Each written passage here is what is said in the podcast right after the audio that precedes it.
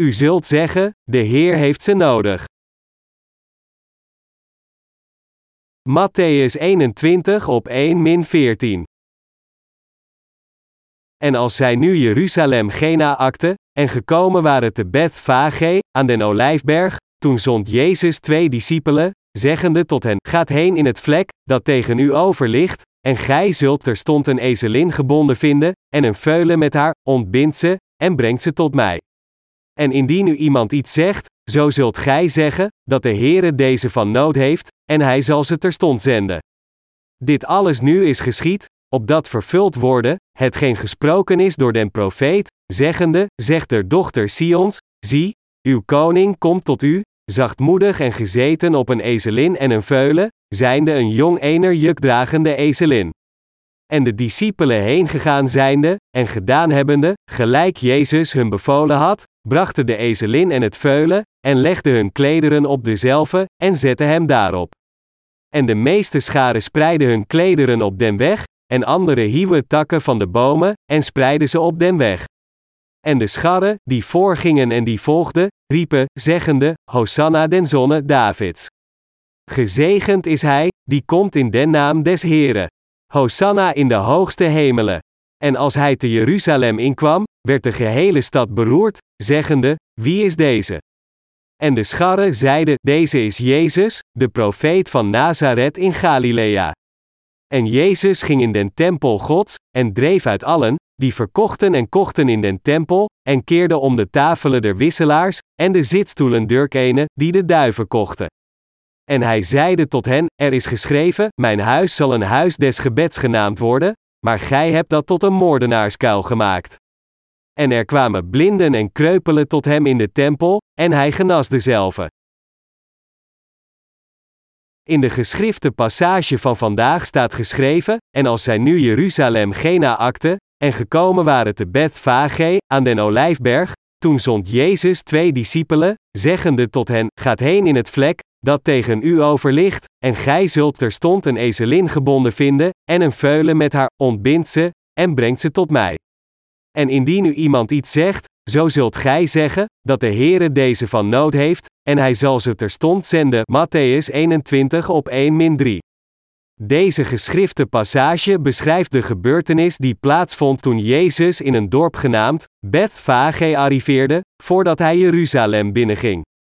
Jezus zei tegen de leerlingen: Gaat heen in het vlek, dat tegen u over ligt, en gij zult terstond een ezelin gebonden vinden, en een veulen met haar, ontbind ze, en brengt ze tot mij. Echt? Onze Heer is de Meester. Op een dag toen Jezus bij het meer van Galilea liep, zag hij Simon en zijn broer Andreas die een net in het meer gooiden, want zij waren vissers. Jezus zei tegen hen: Volgt mij na, en ik zal maken dat gij vissers der mensen zult worden. Zij lieten hun netten onmiddellijk achter en volgden hem, Marcus 1 vers 16 tot 18. Met deze simpele woorden gesproken door Jezus, volgden Petrus en Andreas hem. Deze keer, zei Jezus tegen de leerlingen, ga naar het dorp genaamd, Beth-Vage, maak de vastgebonden ezelin en haar veulen los en breng ze naar mij. Jezus vertelde hen om naar het dorp tegenover hun te gaan en hem de ezelin en haar veulen te brengen. Maar, de leerlingen van Jezus waren mensen met gezond verstand, dus ze zullen wel gedacht hebben: O mijn God, hij vertelt ons de ezelin van iemands anders los te maken en haar naar hem toe te brengen zonder toestemming. Wat zal die persoon zeggen als we gepakt worden? Zal die persoon niet zeggen dat we rovers zijn? Zo ja. Wat moeten we dan doen? Dus vroegen ze aan Jezus: Wat moeten we doen als iemand iets zegt? De Heer zei: Zeg dat de Heer ze nodig heeft. Wat moeten we doen als iemand ons bekritiseert? Zeg dat de Heer ze nodig heeft. Beste medegelovigen, is onze Heer de koning, of is hij dat niet? De Heer is de schepper en de koning. Wat kan het schepsel zeggen als de schepper zegt dat hij hem nodig heeft? Zou het niet zo zijn dat het schepsel niets te zeggen heeft? Het antwoord van Jezus is van duidelijke en enorme woorden. Soms gaan we denken dat de Heer dingen zegt die te absurd zijn. De Heer selecteert broeders en zusters van zijn kerk en zegt: De Heer heeft u nodig. Kom, wat is dat? Onze Heer zei dat hij een ezel nodig heeft, maar heeft de Heer een ezel nodig?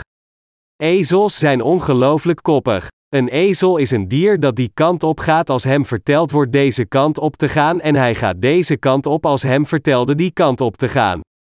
Een ezel luistert niet naar dat wat de meester zegt. Maar, het is een feit dat de Heer een ezel nodig had, en als de Heer zegt dat hij iets nodig heeft, dan zal hij er ook gebruik van maken. We moeten begrijpen dat als de Heer ons vertelt een ezel te brengen, dit betekent dat de Heer er al voor gezorgd heeft dat wij hem kunnen gebruiken. Beste medegelovigen, hoe zal de Heer de ezel gebruiken? Omdat ezels het humeur en de gewoontes van hun ouders erven, zijn ze fundamenteel vanaf de geboorte halstarrig, zeer koppig, hardnekkig, wild en geneigd om te trappen met hun hielen. Dus hoe kon de Heer zoiets nodig hebben? Om deze ezel te gebruiken, moest hij een zacht hart in het hart van de ezel brengen. Alleen door een zacht hart erin te blazen, begon de ezel goed te gehoorzamen, met zijn koppige hart en weerbarstige gewoonte weggegooid. Als de Heer zegt dat hij het zal gebruiken, dan betekent dit dat hij het zal gebruiken door het eerst tam te maken. Wij zijn fundamenteel koppig en slecht. We hebben de gewoonte om dingen te doen volgens onze eigen koppige wil. Ondanks dat de Heer ons heeft gered die zo zijn, kunnen we niet door de Heer gebruikt worden in onze eigen fundamentele aard zoals die is. Veel mensen worden voor de Heer geroepen. Bepaalde mensen beweren dat zij geroepen werden door de Heer en door Hem gebruikt worden nadat zij de stem van de Heer hebben horen zeggen: U, die en die. Ik heb u nodig. U bent mijn dienaar, toen zij naar de Heer aan het bidden waren. Echter, wat gebeurt er, ondanks dat de ezel, als het gebruikt wordt, zijn hart richt op het volgen van de Heer, op het punt staat om echt gebruikt te worden. Wanneer het werkelijk wordt gebruikt, komt de ware aard ervan naar voren en wordt het nauwelijks gebroken. Het gaat verder als de ezel die hij is, stijf, ongehoorzaam en koppig. Veel mensen beweren in dienst te zijn van de Heer, maar heel de tijd zijn ze zo. Het zijn zelfbenoemde dienaren. Ons nodig hebbend, roept de Heer ons op, wij die als ezels zijn. Maar wat ik tegen u probeer te zeggen is: hoe kan de Heer ons gebruiken als we op ezels lijken? Zoals we vandaag gelezen hebben in de geschriften, toen Jezus Jeruzalem binnenging, reed hij op de ezel, en er was een grote samenkomst van mensen aan beide kanten die Hosanna riepen. Op dat moment, denkt u dat de ezel schrok of niet? Met het harde eergeroep had de ezel op en neer kunnen springen en met zijn hielen kunnen schoppen omdat het geschrokken was. Denkt u dat Jezus een ezel had kunnen rijden die zo op en neer springt? Zelfs als hij het met geweld had bereden, hij zou er afgevallen zijn en naar het ziekenhuis gemoeten. Jezus kan geen ezel bereiden die springt als een wild paard. Echter, onze Heer reed Jeruzalem binnen op de rug van een ezel. Onze Heer had al de slechte en weerbarstige gewoontes van de ezel verwijderd. Hoe kan een ezel de Heer gehoorzaam dragen? De slechte aard van ezels, het achteruittrappen en dergelijke dingen zijn voor de Heer overtredingen. Maar de Heer nam zelfs deze zonden op zich. Er staat geschreven: Doch al wat de baarmoeder de ezelin opent, zult gij lossen met een lam, wanneer gij het nu niet lost, zo zult gij het den nek breken, maar alle eerstgeborenen des mensen onder uw zonen zult gij lossen. Exodus 13, vers 13. Zelfs deze zonde van de ezel die uitdagend en halstarrig was en de houding heeft van, ik zal dat niet doen, werden door onze Heer weggenomen sinds hij het offerlam werd. Door deze zonde moest de ezel vervloekt en gedood worden, maar door een zachtaardig, gehoorzaam en onschuldig lam in plaats van de ezel te doden, werd de ezel gered door de verlossing van zijn zonde. Toen deze ezel de Heer droeg, wilde het misschien af en toe met zijn hielen achteruit trappen. En op momenten wilde het misschien niet naar de Heer luisteren. Echter, omdat de Heer al deze zonde had overgenomen, was het hiervoor dankbaar en omdat een zachtaardig hart, anders dan het vorige, in zijn hart zat, was de ezel in staat zijn zondige hart te onderdrukken. Een ezel kan zo ver gaan dat het een lading draagt, maar heeft er een hekel aan om een mens te dragen. Maar, omdat het de vergeving van zonde door Jezus Christus had ontvangen, was het blij Jezus Christus te dragen. Zoveel, dat toen het Jeruzalem binnenging Jezus dragend op zijn rug, het zo gelukkig was om mensen Hosanna te horen roepen, dat de ezel Jeruzalem binnengen met een lach op zijn gezicht. Onze Heer heeft ons zo veranderd. We kunnen ons niet voorstellen hoeveel onze Heer ons heeft veranderd. Door ons van onze slechte aard te verlossen, alle kwaad van de gebruikelijke ongehoorzaamheid aan de Heer, en de gezindheid om zonde te plegen zoals de ezel, heeft de Heer als het offerlam, alles voor ons veranderd. Beste medegelovigen, gelooft u in deze waarheid? Ik weet zeker dat u dat doet. Omdat onze Heer al diegenen die Hem hebben ontmoet heeft veranderd, anders dan voorheen, hebben wij nu in ons het hart van grote dankbaarheid. In het verleden was het moeilijk voor ons om de Heer te volgen, en het veroorzaakte zelfs afwijzingssymptomen. Maar omdat de Heer al deze zonde, kwaad en slechtheid heeft weggenomen, is het een vreugde geworden om de Heer op de rug te dragen en Hem te dienen. Nu is het compleet veranderd.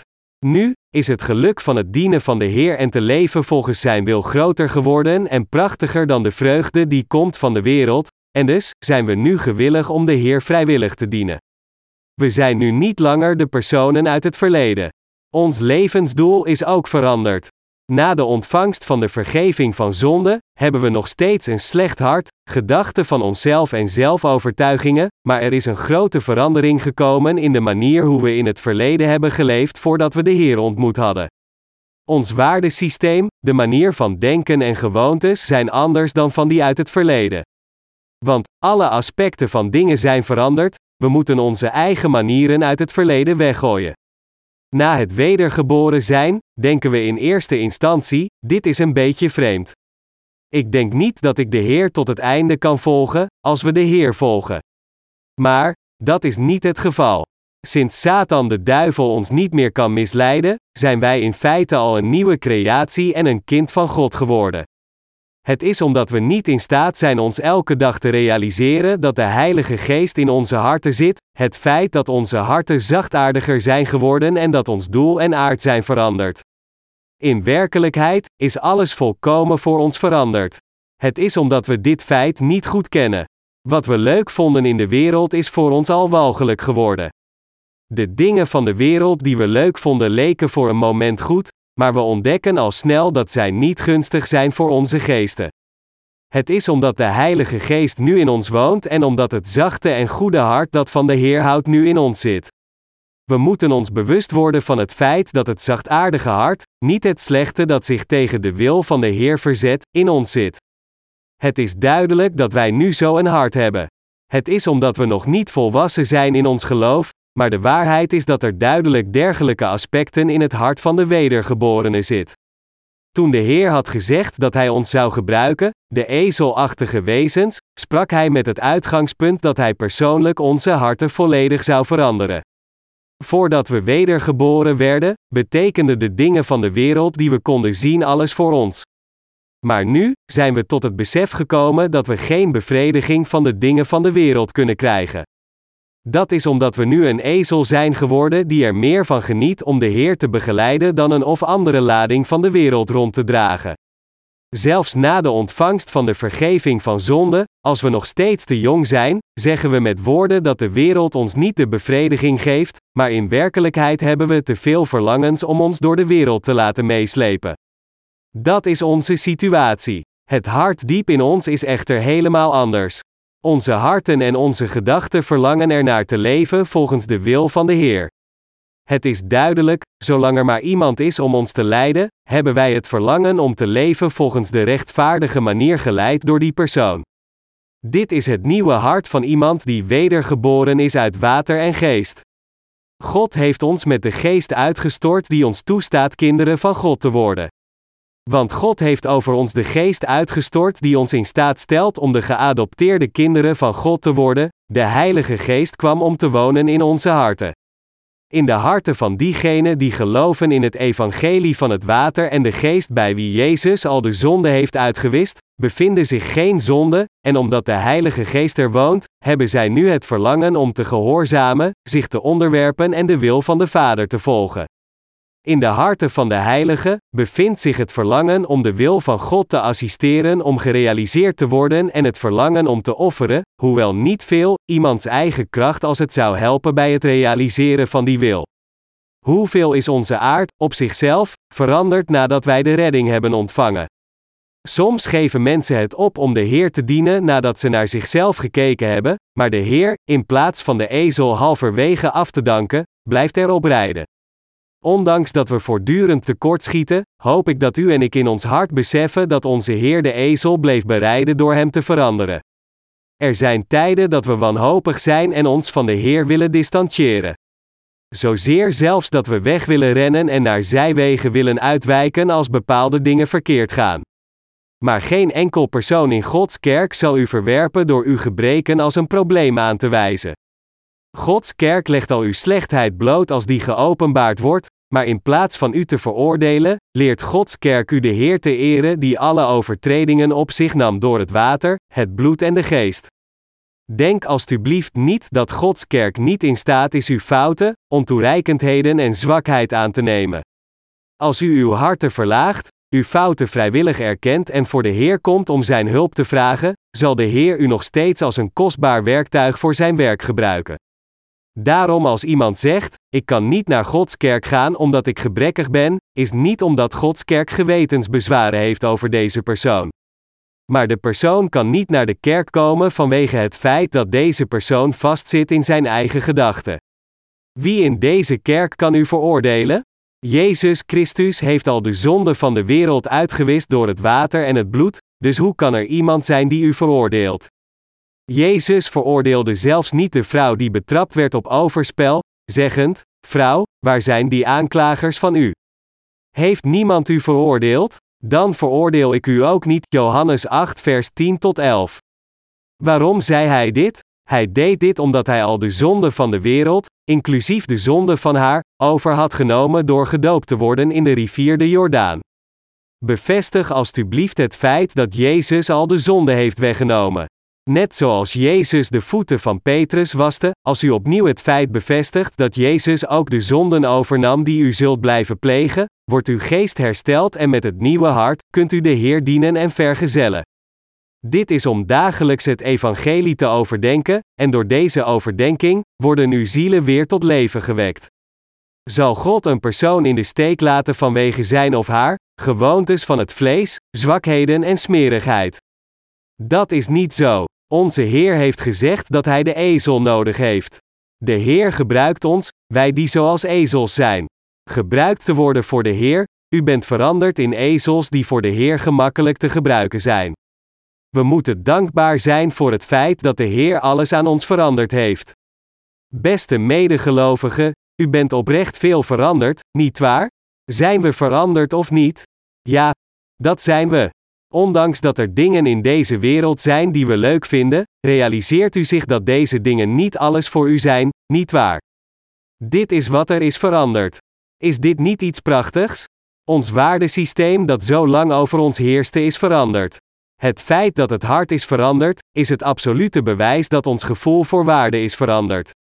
Als we naar een persoon kijken die respect van de wereld krijgt als een groot persoon, als het een persoon is die niet de vergeving van zonde heeft ontvangen, zien we die persoon als iemand die een stap onder ons staat. Dat is dit niet omdat we geen respect hebben voor die persoon of zo, maar het is omdat deze persoon nog niet Gods genade heeft ontvangen dat hem in staat stelt perfect te zijn. In tegenstelling tot die persoon, zijn u en ik kinderen van de Heer geworden die perfect zijn door Hem. Ik ben de Heer dankbaar die ons gebruikt door ons volgens Zijn wil heeft veranderd. Ik zal het Evangelie van Matthäus hoofdstuk 21 vers 5 lezen. Zegt de dochter Sions, zie, uw koning komt tot u, zachtmoedig en gezeten op een ezelin en een veulen, zijnde een jong ener jukdragende ezelin. Beste medegelovigen, hoe kon onze Heer op een ezel rijden? Het feit is dat een wit paard niet geschikt zou zijn voor hem om op te rijden. Rijdend op een engel zou ook niet gepast voor hem zijn, en hij heeft de macht om op een wolk te rijden, net zoals de apenkoning uit de Chinese legende. En zelfs door te rijden met een rijtuig dat door duizend witte paarden getrokken wordt, is niet genoeg om zijn grootsheid te tonen. De Heer reed vrijwillig op de rug van een ezel, lager dan een paard die een koets trekt, niet erop lettend dat hij op de rug van een ongehoorzame en koppige ezel zat. De Heer is zo nederig om met ons samen te werken die als ezels zijn. De Heer is heel nederig en zachtaardig. Hoe zou de Heer anders met mensen zoals ons kunnen werken? Is dat niet zo? Alleen door na te denken over het feit dat de Heer ons nodig heeft, beseffen we ons dat de Heer iemand is die heel nederig is en vol van welwilligheid. Voor de Heer die zo welwillend is, wil ik graag dat u uw zware last van het hart neerlegt en hem om hulp vraagt. Gewicht op het hart is zwaarder dan gewicht op het vlees. Een hart dat ziek wordt is moeilijker te genezen dan het vlees dat ziek wordt. De Bijbel zegt: de geest eens mans zal zijn krankheid ondersteunen, maar een verslagen geest, wie zal dien opheffen? Spreuken 18, vers 14. Dit is de reden waarom ik hoop dat al uw ziektes van het hart voor al het andere genezen wordt. Ik hoop dat u zich dan licht in het hart voelt. Dan zult u uw dankbaarheid aan de Heer geven die al uw zorgen heeft weggenomen en dat Hij u nodig heeft. Laten we van de geschrifte passage van vandaag verse 12 tot 14 lezen. En Jezus ging in den tempel Gods, en dreef uit allen, die verkochten en kochten in den tempel, en keerde om de tafelen der wisselaars, en de zitstoelen durkenen, die de duiven verkochten. En hij zeide tot hen: Er is geschreven: Mijn huis zal een huis des gebeds genaamd worden, maar gij hebt dat tot een moordenaarskuil gemaakt. En er kwamen blinden en kreupelen tot hem in den tempel, en hij genas dezelve. Dit gebeurde nadat de Heer Jeruzalem binnenging, en het toont wat de mensen die gered zijn geworden zullen doen in Gods kerk. Na de binnenkomst in Jeruzalem, dreef de Heer al diegenen die kochten en verkochten uit de tempel. Sinds de Bijbel zegt dat hij dit deed, kunnen we niet anders dan dit zorgvuldig te onderzoeken. Voor een wedergeborene om de Bijbel te lezen met ogen die twijfelen aan de oprechtheid van het woord is verkeerd, maar het is goed om gebruik te maken van waarheidzoekende ogen die de geestelijke boodschap van bepaalde delen van het woord willen begrijpen. De Heer gooide de tafelen van diegenen om die geld aan het wisselen waren in de tempel, en dreef al diegenen uit de tempel die offerdieren verkochten en kochten. In plaats van hen gewoon te verdrijven, gooide de Heer de tafels omver die verspreid werden door de geldwisselaars en de stoelen van diegenen die duiven verkochten. Denkt u niet dat onze Heer wat temperament heeft? Denkt u dat de Heer iemand is die alleen zachtaardig en nederig is? De Heer laat onrechtmatige dingen niet voorbij gaan, maar in plaats daarvan werpt Hij hen omver. In plaats van te zeggen: Ga weg. Doe dit niet, schiet Hij uit zijn slof en zegt: Jullie roodachtige mensen. Wat is dit? Toen hij iemand zag die duiven in een kooi verkocht, hief de Heer de hele kooi op, die nogal groot en zwaar was, en gooide hem weg. Het brak met gekletter en dreun. Denkt u dat de duiven wegvlogen of niet? Ze vlogen allemaal weg. Zich niet bekommerend over het feit of de duiven zouden wegvliegen met het breken van de duivenkooien, wierp de Heer ze allemaal omver. In het Evangelie van Johannes wordt er gezegd dat de Heer een zweep van koorden maakte en ossen en schapen verdreef die naar de tempel werden gebracht om verkocht te worden. Onze Heer heeft dit werk uitgevoerd. De wedergeborenen kunnen nooit het werk van het nastreven van persoonlijk voordeel in Gods kerk doen. Als iemand het werk doet om iemand te prijzen, het werk ten behoeve van zichzelf, of het werk dat goederen in de kerk koopt en verkoopt, wordt deze persoon door de Heer omvergegooid. Sommige predikers zeggen: ontvang het vuur en ontvang de Heilige Geest, in elke opwekkingsbijeenkomst er veel geld voor ontvangend als een honorarium na elke samenkomst. Deze dingen zijn zo vulgair dat ik er zelfs niet over willen praten. Wat denkt u dat de Heer met dergelijke mensen doet? De Heer laat dergelijke mensen niet met rust.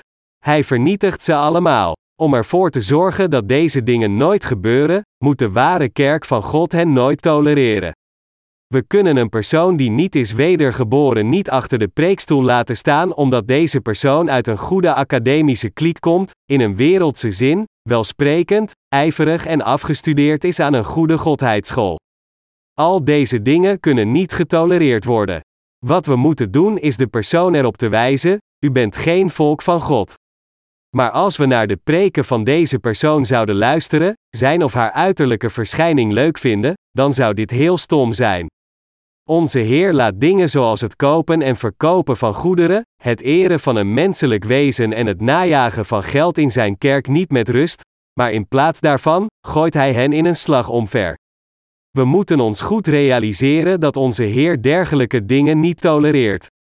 Als ik de kerken van vandaag zie, dan heb ik medelijden. Ik zou willen dat er meer kerken van God in elke stad waren. Ik zou willen dat er ongeveer vijf goede kerken van God waren in Changeon waar ik leef. Als dat gebeurt, dan zal de stad Changeon een stad worden die gelooft in het ware evangelie en dus oprecht gezegend worden. Hoe meer ware kerken van God verrijzen, hoe beter de wereld zal veranderen. Een oudere te worden door veel geld te doneren is een fenomeen dat maar al te vaak voorkomt in de huidige christelijke gemeenschappen.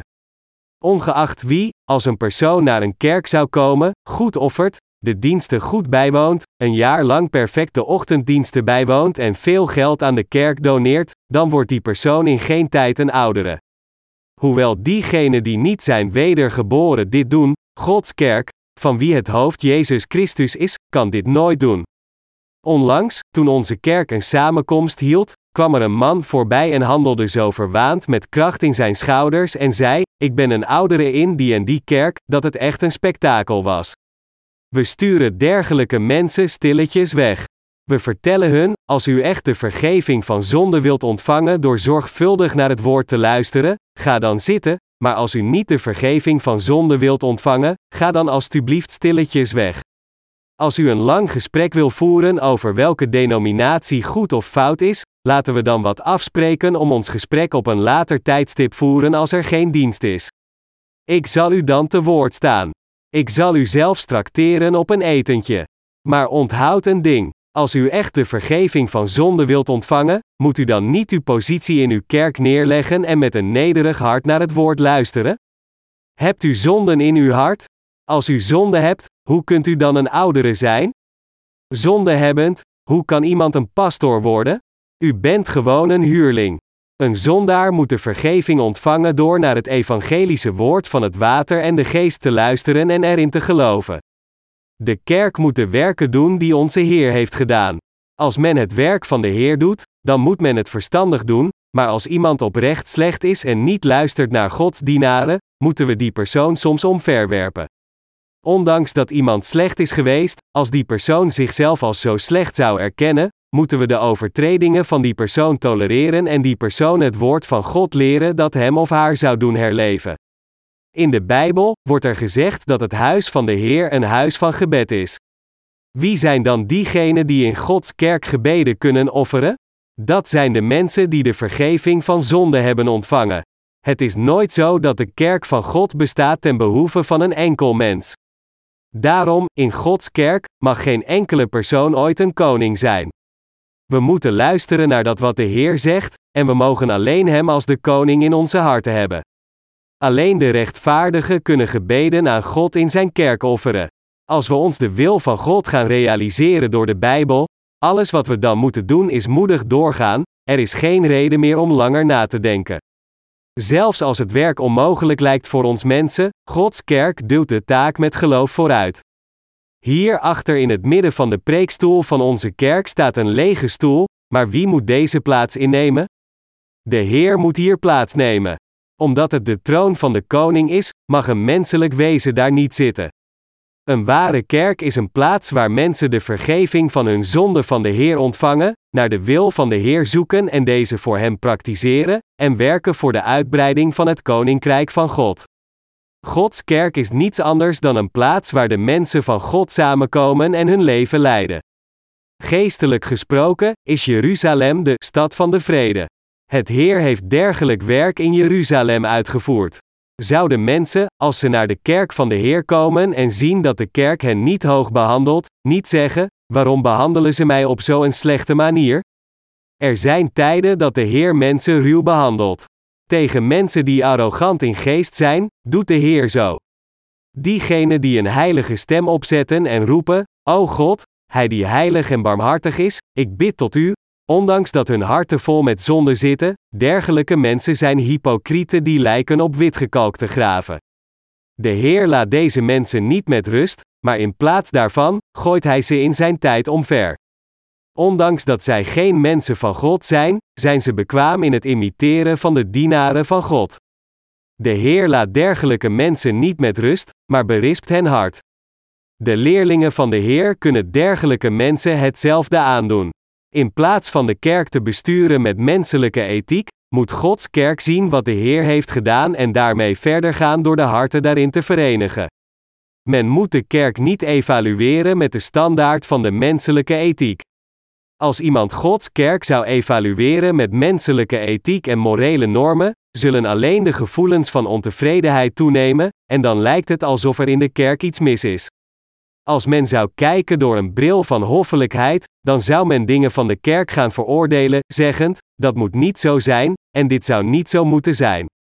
Diegenen die pas zijn wedergeboren hebben het moeilijk om zich aan de nieuwe omgeving aan te passen, dat wil zeggen de kerkgerichte cultuur, want zij hebben hun hele leven tot dan toe alleen geleefd met de bril van etiketten en met dat wat ethisch is. Als zij in de kerk komen, kunnen ze zich aanvankelijk niet aanpassen omdat ze met een bril van doen en niet doen hebben geleefd, dat wil zeggen alleen met de bril van de wet. Echter, we moeten nadenken over wat heeft de Heer gezegd? Welk soort van werk heeft de Heer in de tempel gedaan? De Heer heeft de slechtheid verwijderd, dat wil zeggen mensen die zoeken naar het voordeel van hun eigen vlees. Dus moet Gods kerk ook dat deel van de mensen verwijderen die voordeel voor zichzelf zoeken. Dat is omdat de Heer als eerste de koning moet worden voor ieder van ons die rechtvaardig is en omdat de Heer voor al het andere verheven moet worden. We moeten verder gaan met ons leven na de genade van de koning ontvangen te hebben door gebeden van zaligmaking aan te bieden voor de Heer, de koning der koningen. We moeten ons houden aan de waarden en orde die God heeft gesteld, we moeten als eerste van God houden. In het evangelie van Matthäus hoofdstuk 7 voor half twaalf nachts, wordt er gezegd, Wee u, gij schriftgeleerden en fariseeën, gij geveinsde, wat gij verdient de munten, en de dille, en den komijn, en gij laat na het zwaarste der wet, namelijk het oordeel, en de barmhartigheid, en het geloof. Deze dingen moest men doen, en de andere niet nalaten. Volgens het woord van God, moeten we als eerste van God houden en dan van de mensen. We moeten als eerste van God houden, dan de wil van God respecteren en dan van mensen houden. Dit is het waardesysteem en de orde die de Heer heeft gesteld. Bovendien moeten we dat geloof niet verliezen. In zijn kerk moeten we als eerste de wil van God volgen en handhaven, dan aan de mensen van God vertellen hoe ze in de genade van God kunnen komen en hoe ze de zegeningen ontvangen, en dan moeten we de mensen van God leiden in de richting waar zij de zegeningen kunnen ontvangen. Als het zo is dat we alleen geven om de mensen en niet om God in zijn kerk, moeten we ons realiseren dat het geven om de mensen op hun beurt zal veranderen in een vloek. Echt waar, als we alleen om de mensen zouden geven, zou dat op zichzelf een vloek zijn. Als iemand oprecht gelukkig wil zijn, dan moet die persoon de zegeningen van God ontvangen. We moeten ons als eerste de wil van God realiseren en deze dan met geloof volgen. Wat dit betreft, moeten wij, die vertrouwen hebben in zo'n rol eerder dan anderen, de mensen van God leiden zodat zij onze voetstappen kunnen volgen. Zodat andere heiligen de zegeningen in hun harten kunnen ontvangen, moeten wij naar God bidden en Hem vragen hun deze zegeningen te geven. Als we dat doen, is het een feit dat ons leven schitterend wordt. Als de mensen van geloof gebeden offeren voor andere zielen, zullen al de komende generaties gezegend worden en de genade van God zal op alles zijn. Wanneer ze in tijden van ontbering alle wensen van hun hart voor God neerleggen, hoort de Heer hun gebeden en vervult al hun noden. Daarom, de zegeningen van God komen in overvloed neer op diegenen die samen zijn met Gods kerk. We mogen nooit oordelen over het werk dat de kerk doet, vanuit een ethisch standpunt. We moeten het beschouwen met geloof. We moeten ook onze oren richten op dat wat de Heer zegt. Onze Heer ging Jeruzalem binnen, en verwijderde daarna de onzuiverheden en genas de blinden en de kreupelen die naar hem toekwamen. De Heer heeft diegenen genezen die oprecht het hart hebben om de zegeningen van de Heer te ontvangen en willen leven volgens de wil van de Heer, maar dit niet zo goed kunnen doen. Er zijn mensen die oprecht willen leven volgens de wil van de Heer, maar niet zo kunnen leven omdat zij de manier niet kennen. Wij de rechtvaardigen hebben de verantwoordelijkheid om de benen van diegenen te strekken die geestelijk mank lopen. Omdat Jezus ons genezen heeft, kunnen wij hen ook genezen. Door het verkeerde geloof van de mensen te corrigeren, hen te helpen correct voor God te komen, hen aan te vullen als zij tekortschieten, hen te kleden, voor hen te bidden, hen te beschermen, hen te redden van de vernietiging door hen te begeleiden als er iets verkeerd gaat en hen van de ketters te bevrijden. Dit zijn de werken die wij de rechtvaardigen moeten doen. Net zoals Jezus de blinden en de lammen genas, vraagt de Heer aan ons die zoals ezels zijn losgemaakt van de paal om dergelijk werk uit te voeren. Het is gezegd: de Heer heeft hen nodig, maar wie heeft de Heer nodig? Hij zei dat hij ons nodig had. Welk werk doet de Heer? De Heer had het valse geloof en het materialisme dat heerste in de tempel van Jeruzalem volledig verwijderd, en van de andere kant had Hij diegenen in de tempel genezen die gebreken hadden, dat wil zeggen de blinden en de verlamden. Door hetzelfde werk in onze harten uit te voeren, heeft de Heer al de zonden in onze harten uitgewist en ons toegestaan perfect te zijn. En daarna ging de Heer ons gebruiken. Ik hoop dat u zich herinnert dat de Heer ons gebruikt voor het werk van de verspreiding van dit evangelie van het water en de geest aan diegenen die nog steeds niet de vergeving van zonde hebben ontvangen en geestelijk blind en verlamd zijn zoekend naar God en de waarheid. Als we het opnieuw gaan begrijpen, terwijl we de Heer dienen, zullen we in staat zijn de Heer correct te dienen en vooruitgaan met geloof. Ik weet zeker dat Gods werk en macht als ook Gods zegeningen op al de werken liggen die God aan ons heeft toevertrouwd.